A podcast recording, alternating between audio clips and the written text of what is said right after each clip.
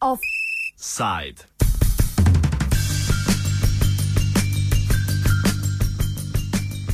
Društvo za opazovanje in proučevanje ptic Slovenije s poslanstvom varstva ptic in ohranjanja njihovega habitata združuje več kot tisoč članov. Eden od rezultatov prizadevnosti in terenskega dela na 6000 km dolgi popisni poti in 20.000 urah opazovanja je spletni portal Novi ornitološki atlas gnezdilk Slovenije. Na naslovu 3x2.ptice.si poševnica Atlas tako lahko pregledujete stanje ptic, obenem pa portal z vnašanjem podatkov tudi nadgrajujete. Več o samem portalu Tomaž Mihelič, varstveni ornitolog iz DOPPS-a. Eh, lejte, sam atlas ne, eh, ptičev gnezdilk nudi informacije o tem, kje je kakšna ptica razširjena v Sloveniji, se pravi njena distribucija in pa seveda številčnost. Gre za en velik projekt, mi smo preko 300 ljudi popisovali um, in zbrali podatke na več kot 6000 uh, km popisnih poti. Uh, in seveda eden od zelo pomembnih korakov je, kako te podatke prikazati, jih pregledati. Zato da lahko mi naredimo na koncu res eno uspešno publikacijo, na koncu knjigo. Uh, seveda je pa zelo pomemben korak tudi, da so podatki jasno dostopni ljudem, kar že prek spleta. Zato smo se odločili za ta spletni portal, uh, dobili uh, en velik projekt uh, strani švicarskega prispevka, to so mednarodni, uh, mednarodne donacije in uspeli portal zgraditi. Ta portal pa ni namenjen samo pregledovanju, ampak tudi vnašanju podatkov. Zato, ker Atlas jasno, čim je izdan, že stari, uh, medtem ko novi podatki se pa še vedno lahko zbirajo in uh, ravno sporočanje podatka, kje smo nekaj videli, se pravi z geolokacijo, je ponovadi toliko teženo, da če to ni dostopno vsakemu kar z enostavnim klikom na karto na internetu, se ogromno teh podatkov zgubi katere ptice se znajdejo na portalu. Nadaljuje Mihelič. Na tem portalu se seveda zbirajo lahko podatke o vseh pticah, prioritetno pa gnezdilke, teh je v Sloveniji dobrih 220 vrst. Imamo zelo pogoste gnezdilke, se pravi najpogostejše so sigurno ščinka od staščica, kos, črnoglavka. Zanimivo, da gre v glavnem za gozdne vrste, ker je seveda glavni habitat v Sloveniji gost. Uh, imamo pa kar nekaj gnezdilk, ki so po Sloveniji zelo redke, predvsem zaradi delovanja človeka. Recimo v zadnjem času izpostavljamo črnočelega srekoperja, vrtnega strnada. Tukaj govorimo samo še o nekaj osebkih, ki v Sloveniji gnezdijo. Recimo v zadnjem času po letu 2005 smo zgubili zlatovranko uh, kot gnezdilko v Sloveniji. Uh, to so pa vrste sicer na drugi strani, te razpredelnice ekstremno redke in tudi za te je potrebno uh, zbirati podatke, zakaj tukaj vsak osebek res pomeni veliko in uh, zelo pomembno je, da vemo, kje vrvati, uh, ker vemo, kje so te vrste. Dejavnosti ljudi so v prvi vrsti razlogi za izginotja vrst.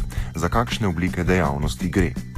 Od teh najbolj ogroženih vrst sigurno prednačijo vrste, na katere ima veliko vpliv intenziviranje kmetijstva. Kmetijstvo ima sigurno pri varstvu narave še veliko izzivov, zakaj konc koncev um, krajina, ki ne premore več biodiverzitete, bodi si zaradi same intenzifikacije ali pa uvajanja uh, gnojil in škropil, povzroči siromašenje krajine, po drugi strani verjetno tudi hrana iz teh okolij ni, ni toliko kvalitetna za človeka, kot bi bila sicer pridelana na nek tradicionalni način.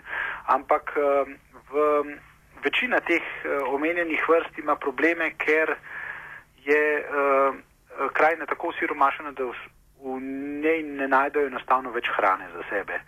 Uh, po eni strani bodi se je ta hrana zastrupljena. Zdaj, uh, jaz sem prepričan, da človek z nekimi sonaravnimi načini pridelovanja hrane ne bo naredil veliko za biodiverziteto, ampak tudi za svoje lastno zdravje.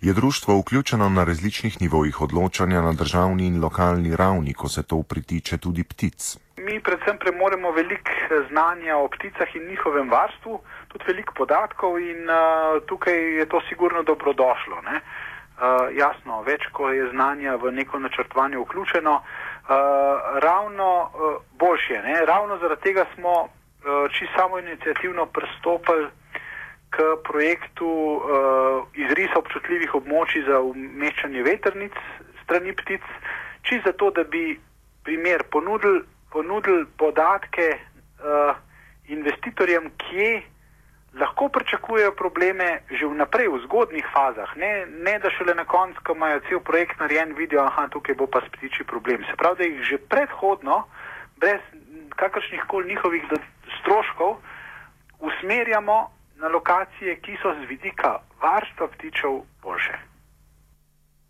V kolikšni meri in kje so veterne elektrarne nevarne za obstoj ptic?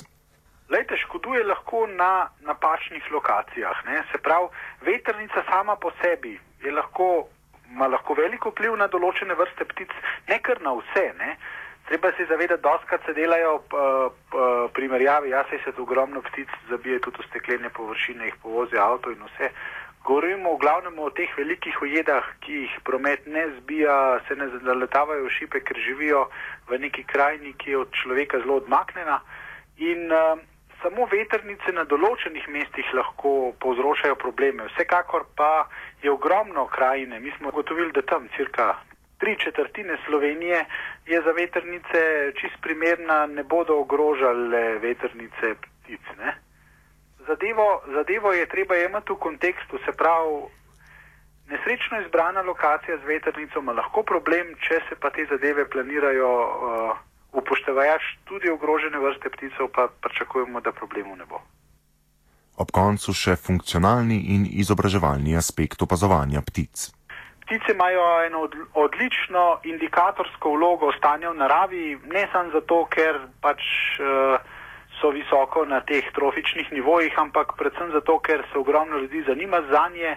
S tem uh, zanimanjem imamo več plusov, se pravi, zberemo ogromno podatkov in vidimo neke spremembe, ki se nam v krajini dogajajo v naravi. Eh, po drugi strani pa seveda informacije veliko lažje dosežejo, dosežejo razum človeka, če se dogajajo na konkretno živalih, ki so nam ljube. Ne? Skratka, če izgine ena ptica, eh, to ponavadi ljudem, ljudi ne pusti čist nedotaknjene, zato imajo pač velik tudi ta izobraževalni aspekt. No.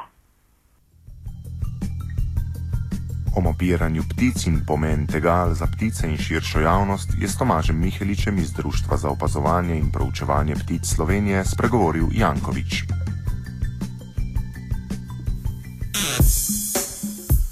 Poslušate Radio Student 89,3 MHz UKV stereo.